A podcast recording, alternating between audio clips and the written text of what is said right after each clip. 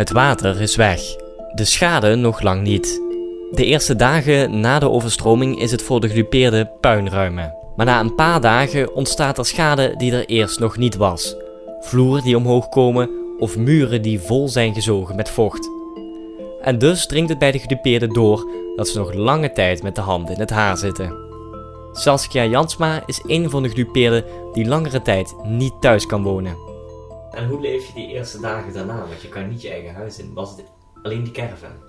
Uh, alleen de caravan, ja. Ja. Dus uh, de caravan en ehm, de spullen die je nodig hebt van de administratie, die we dan boven hadden gezet, uh, die, de dingen die je nodig had, je, polisvoorwaarden of zo, ik zeg maar iets, die haal je dan uit je huis en, en, die neem je mee naar je logeeradres. Maar de ene keer logeer je daar, dan logeer je daar, dan slaap je in die caravan. Dus je sjouwt gewoon met je spullen. Maar je denkt ook, want in die groepsapp werd ook wel gezegd van er zijn dieven uh, op pad. Dus uh, pas op, omdat heel veel mensen natuurlijk weg waren uit die wijk, waren daar ook uh, dieven op afgekomen. Uh, dus ik ben toen ook bijvoorbeeld de computers uit het huis gaan halen en bij, bij, bij, mijn vader neer gaan zetten, dat soort dingen. En je kinderen die leefden op dat moment nog steeds bij het evacuatieadres? Ja, ja. Uh, de oudste ging wel eens mee terug om te helpen of zo. de middelste die wilde eigenlijk niet meer terug, want die vond het te emotioneel, die vond het te lastig. Dus die is veel weggebleven. En uh, mijn dochter wilde graag bij mij zijn, dus die ging ook vaak op en neer. Dus het is een beetje een zwerversbestaan geweest. Het heeft ongeveer drie weken geduurd.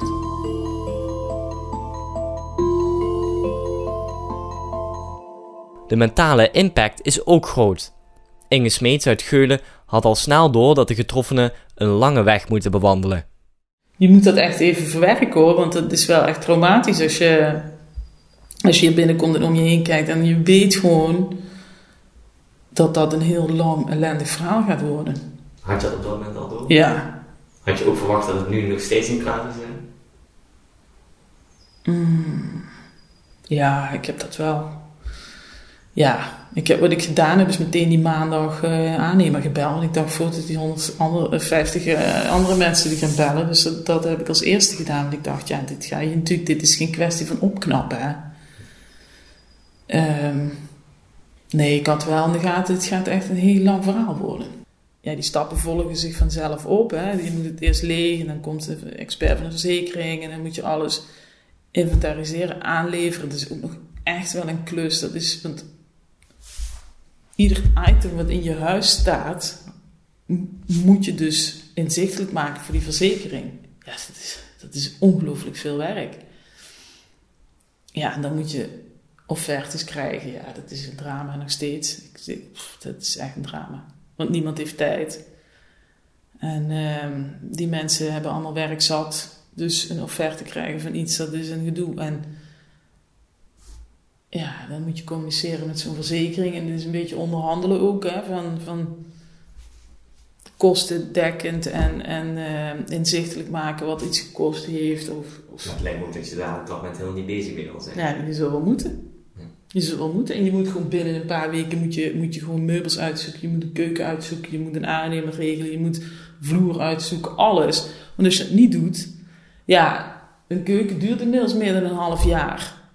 Voordat, voordat die geleverd wordt. En dat geldt voor alle grondstoffen ook. Hè, en alle materiaal. Dus je moet gewoon binnen een paar weken overal over beslissen. Over alles.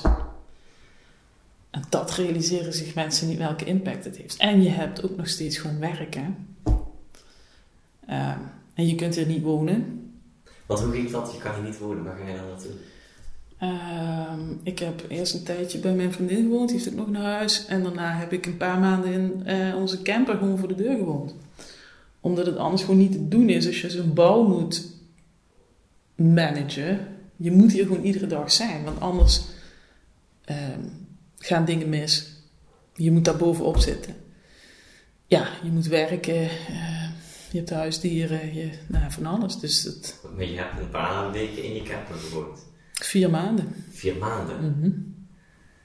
Dat lijkt me... Ja, en, uh, er wonen mensen nu nog steeds in zo'n container hier. Hè? Dat zie je als je hier de straat in komt. Mensen nog steeds in een container wonen of, of uh, op een, boven in slaapkamers uh, bivakeren of uh, in de garage of whatever. Dus dat is nog lang niet voorbij. Nee. Um, die, die verzekeringen, mensen komen langs, WTS-mensen komen langs. ja, ja. Je begint te lachen bij de WTS-mensen. Ja, ja, ja. Wat, wat is daarmee? Ja, weet je, kijk, uh, je hebt natuurlijk een, een, een heel gedeelte van je verzekering en je inboedelopstal. En dat, ja, weet je, het geld dat is voor iedereen anders, maar dat was bij mij op zich goed geregeld. En ik heb ook gewoon echt um, een groot gedeelte gewoon vergoed gekregen. Uh, alleen uh, de tuin en de oprit en dingen buiten, zeg maar, daar is maar een heel klein gedeelte van vergoed. En dat geldt voor de meeste mensen. Dan heb ik nog geluk dat er nog iets wordt vergoed, maar voor, voor heel veel mensen wordt helemaal niks meer vergoed. Nou, en dan moet je dus met.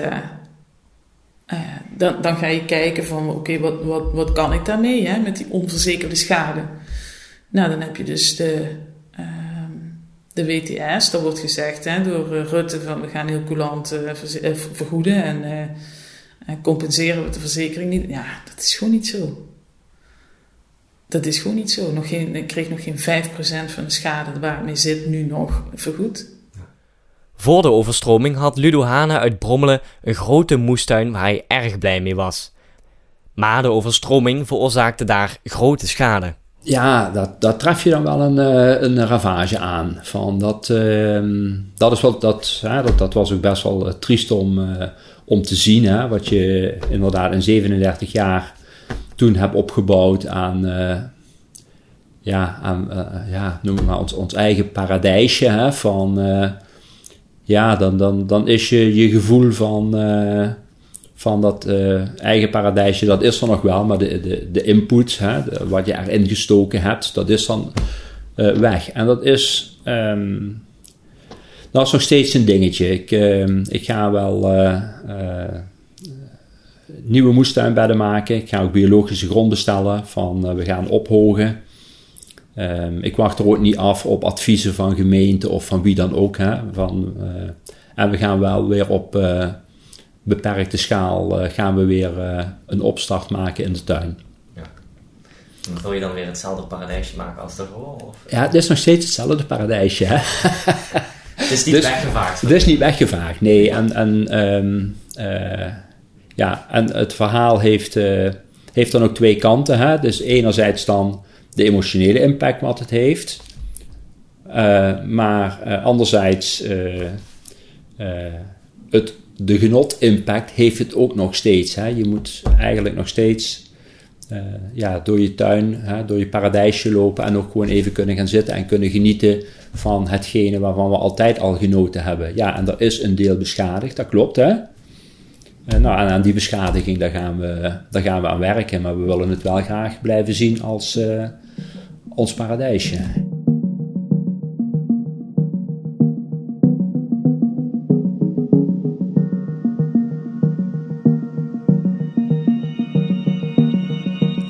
Na de watersnood was het voor Saskia Jansma erg onduidelijk wat er met haar huis ging gebeuren. Uh, wij kregen de melding ergens, ik weet niet eens meer uh, uh, via welk kanaal. want je houdt wel wat in de gaten. Je gaat ineens de website van de gemeente in de gaten houden, wat je nooit deed. En ehm, er is een veiligheidsregio waar je nooit van gehoord had, die informatie geeft. En de, die groepsapp die er is. Dus je gaat je ineens vastklampen aan allerlei uh, nieuws, uh, sites, media. En daar probeer je maar wat van te maken voor jezelf. Maar we hadden opgevangen dat we het huis niet meer in konden. Dat we echt op een constructeur moesten wachten die zei van je kunt veilig je huis in. Maar die constructeurs hadden het ook heel erg druk. Dus dat heeft weken geduurd, zo niet maanden. Achteraf gezien is er pas uh, eind oktober voor het eerst een constructeur in ons huis geweest. Dus uh, kun je nagaan uh, hoe lang we eigenlijk hebben moeten gokken van... ja, hoe staat ons huis daarvoor? Wat, wat, van juli tot oktober wist je niet wat met het huis ging gebeuren? Nee, nee zeker niet. sterker nog, ik heb de boel onder druk gezet door um, in de media te verschijnen omdat er geen knoop werd doorgehakt door niemand. Er gebeurde eigenlijk helemaal niks. De verzekering eh, heeft mij niet gezegd van uh, jongens, dit of hè, mevrouw, dit is het plan. Dit gaan we doen met uw huis. Deze kanten kan het opgaan. Dat is een, een kwestie geweest van, van uh, ja, zelfredenatie, gokken. En ik denk dat dat heel stressvol kan zijn als je niet weet wat er gaat gebeuren. Hoe ging jij daarmee om?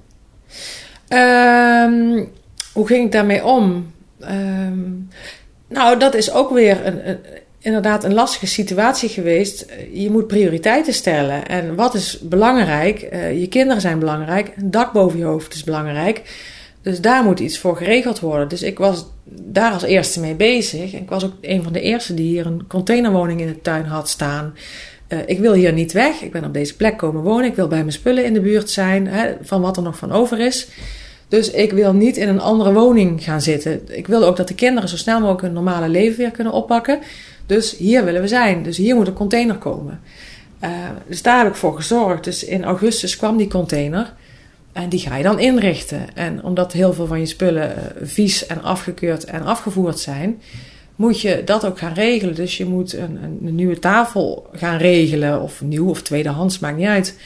Um, daar ben je dan de eerste weken druk mee. Voor Guido Biesmans uit Tussenbrugge startte een paar maanden na de overstroming een grote verbouwing.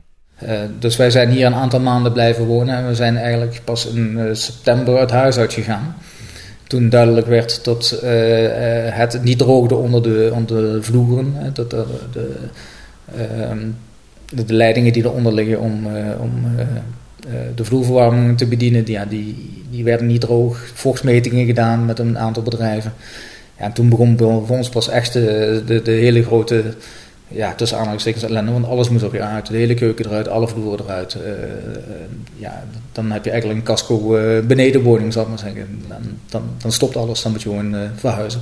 Ja. is eigenlijk wel, als je een beetje nadenkt, zo lang die tijd die daartussen zit. Dus je pas in september ja. eigenlijk weer een helemaal nieuw huis krijgt. Eigenlijk weer dat alles weer voldoende ja, ja toen, toen, hebben we eigenlijk alles afgebroken. En dan duurt nog een aantal weken, hè, zo niet maanden, voordat je opgebouwd hebt. Uh, ja, dat, dat, ja, weet je, je hebt met de verzekering te maken. Hè. Je moet uit, gaan zoeken wat krijgen we überhaupt voor goed. Uh, dekt, dat de, de, dekt dat de hele kosten die je nog moet gaan maken. Je moet toestemming krijgen om dingen te slopen van de verzekeraar. want anders ga je gewoon voor een aantal 10.000 euro's ja, de bietenbrug op.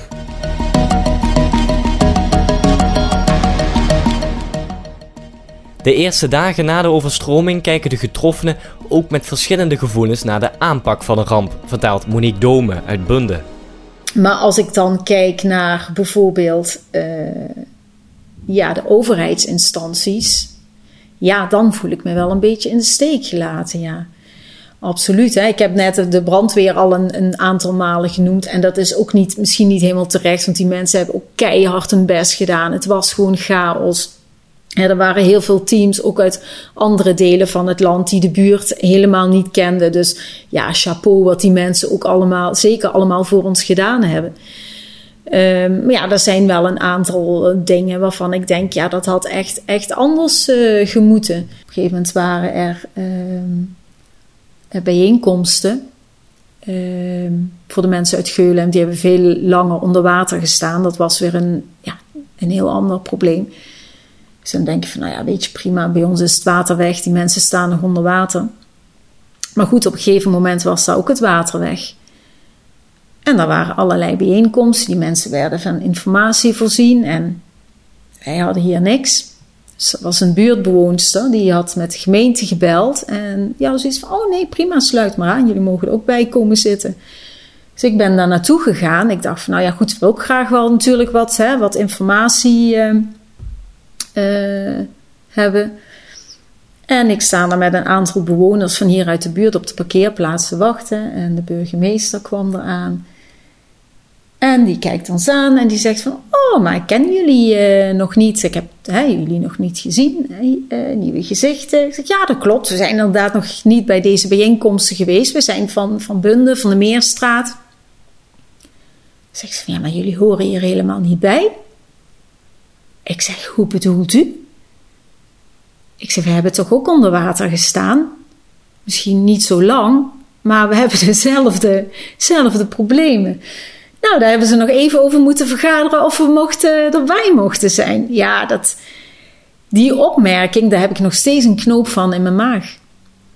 Als ik daarover terugdenk. En dat zijn wel momenten dat je denkt van, ja, hoe, hoe kan dit? Hoe kan dit in de gemeente? Wij, wij, zijn, wij horen er toch ook bij? En de, mensen van Tussen de Bruggen, die zijn er volgens mij ook helemaal niet bij geweest. Ja, dat kan gewoon niet. Maar dat is niet een van de enige vragen die er zijn.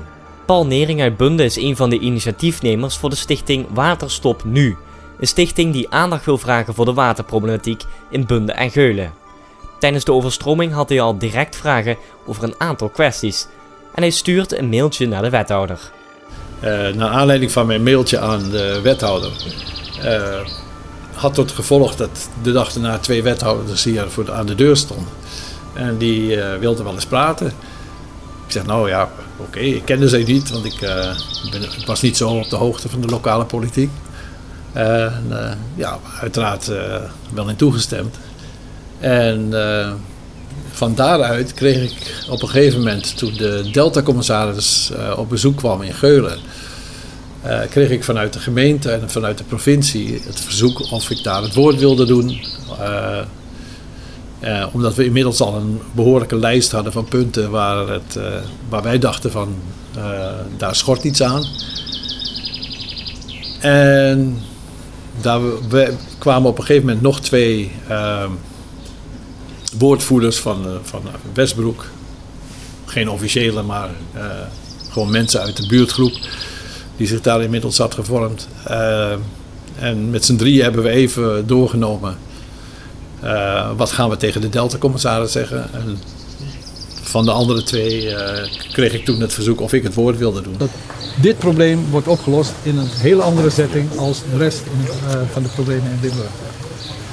En ja, ik had een hele lelijke zin aan het eind. De grensmaat in Bunde en Geulen stinkt, letterlijk en figuurlijk. Dus, ja, ja dat is een goeie. En zo kwam de stichting tot stand. Een belangrijk punt wat Waterstop nu wil aankaarten zijn problemen rondom de duiker in Bunde. De geul loopt daar onder het Julianenkanaal door via een sifon, een soort tunnel. Tijdens de overstroming was deze sifon volgestroomd met hout en ander afval. Het eerste wat moet worden opgepakt is uh, uh, wat ze dan het laaghangend fruit noemen. Uh, wat we dus zagen was een verstopping van de sifon. Dus en dat is een simpel een, een kwestie van uh, ja, onderhoud of achterstallig onderhoud. Rijkswaterstaat noemt dat prachtig na de werkzaamheden in oktober onderhoud. terwijl die sifon dus voor de helft ver, verstopt zat. Dat vinden we kwalijk. Dat je uh, eigenlijk als bewoner niet weet dat je een risico loopt omdat dat ding half verstopt zit. Uh, dat hoort niet in een veiligheidsprogramma, dat hoort niet, naar, met, uh, dat hoort niet bij duidelijkheid naar de bewoners. Ze horen te weten, er is een risico hoger dan een normaal risico, namelijk de geul kan overlopen omdat dat ding verstopt zit. verder was er dus een enorme hoeveelheid drijfhout tegen die sifon aangedreven. Dan hebben we in Nederland die uh, prachtige constructie van uh, dat een watertje uh, hoort onder het waterschap. Maar als het water ergens onderdoor loopt, is de instantie die erboven hangt, die is verantwoordelijk. En dat is in dit geval Rijkswaterstaat. Dat is natuurlijk al vragen om, om problemen. Het meest kritische punt van de doorstroming van de geul, waar die uiteindelijk de Maasvallei in moet stromen, die wordt door twee instanties beheerd. Ieder uh, met hun eigen métiers, met hun eigen modellen. Uh, maar er is geen regie over het geheel.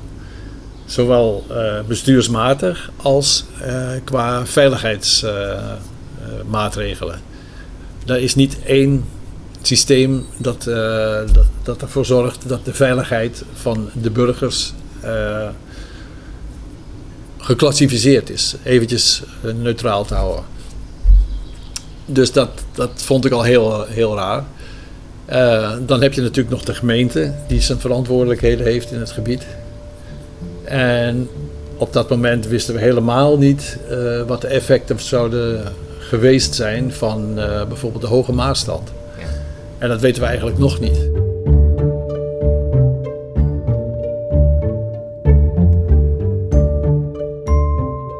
Na een paar maanden krijgt Saskia Jansma uit Geulen eindelijk duidelijkheid over haar houten huis.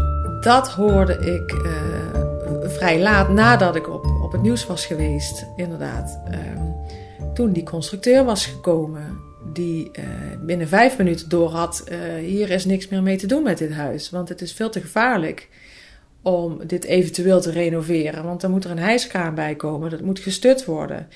Uh, dat zijn sandwich-elementen die volgezogen zijn met, met water en waar een houten jas omheen zit. Um, maar dat moet vervangen worden. Die, die constructiewanden die zijn uh, uh, niet meer stabiel. en die kun je ook niet zomaar vervangen. Dus dat hele huis moet plat. Ehm, ja, dat is een beslissing geweest eind oktober. Dat is in november vastgelegd op papier. Dus dat is door die verzekeringsexpert ook in november pas overgenomen. En dan pas weet je waar je aan toe bent. Dus dat duurt wel heel lang, uh, ja. ja. En als we nu naar buiten kijken, dan zien we een grote zandvlakte. Ja, mooi hè? Ja, ja, ja, ja ligt eraan wat je ervan Nou, we hebben wel ons uitzicht terug. Ja, dat wel. Ja, ja we hebben toen die beslissing uh, was genomen om het huis te slopen... Um, uh, hadden we ook zoiets van, dan moet het ook maar snel weg, want we zitten er tegenaan te hikken. En Ehm, dus dat is uiteindelijk in uh, december, januari zo uh, in fase gesloopt. En sindsdien hebben we ook dat mooie uitzicht weer terug. Dus dan uh, is dat maar gedaan en probeer je niet te veel achterom te kijken en dan kijk je vooruit. dus dan heb je ook een idee van wat er wordt vergoed, wat je bouwbudget gaat zijn. een idee zeg ik, want ook dat is pas in januari bekend geworden. Dat is pas in januari definitief geworden van mevrouw dit is uw budget eh, om uw schade te herstellen. Um, dus dan kun je pas met een aannemer aan de gang. Uh, en ja, dan ben je ook weer uh, heel, heel laat. Dus ja, wij een nieuw huis hebben, zijn we zeker uh, vanaf nu nog een jaar verder. Ja. En dan moet je een jaar in de containerwoning blijven. Dan zitten we in totaal, denk ik, twee jaar in de containerwoning. Ja.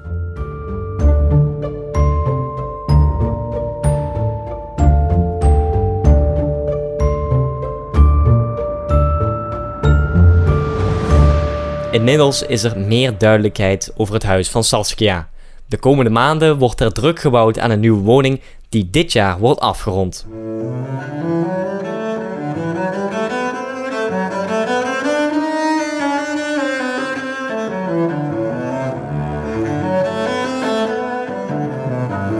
Dit was de laatste aflevering van de podcast Toen kwam het water van Meer Vandaag. Gemaakt door mij, Sjoerd Verbiezen. Wil je dat meer mensen dit verhaal horen? Deel hem dan met je vrienden en familie. Bedankt voor het luisteren.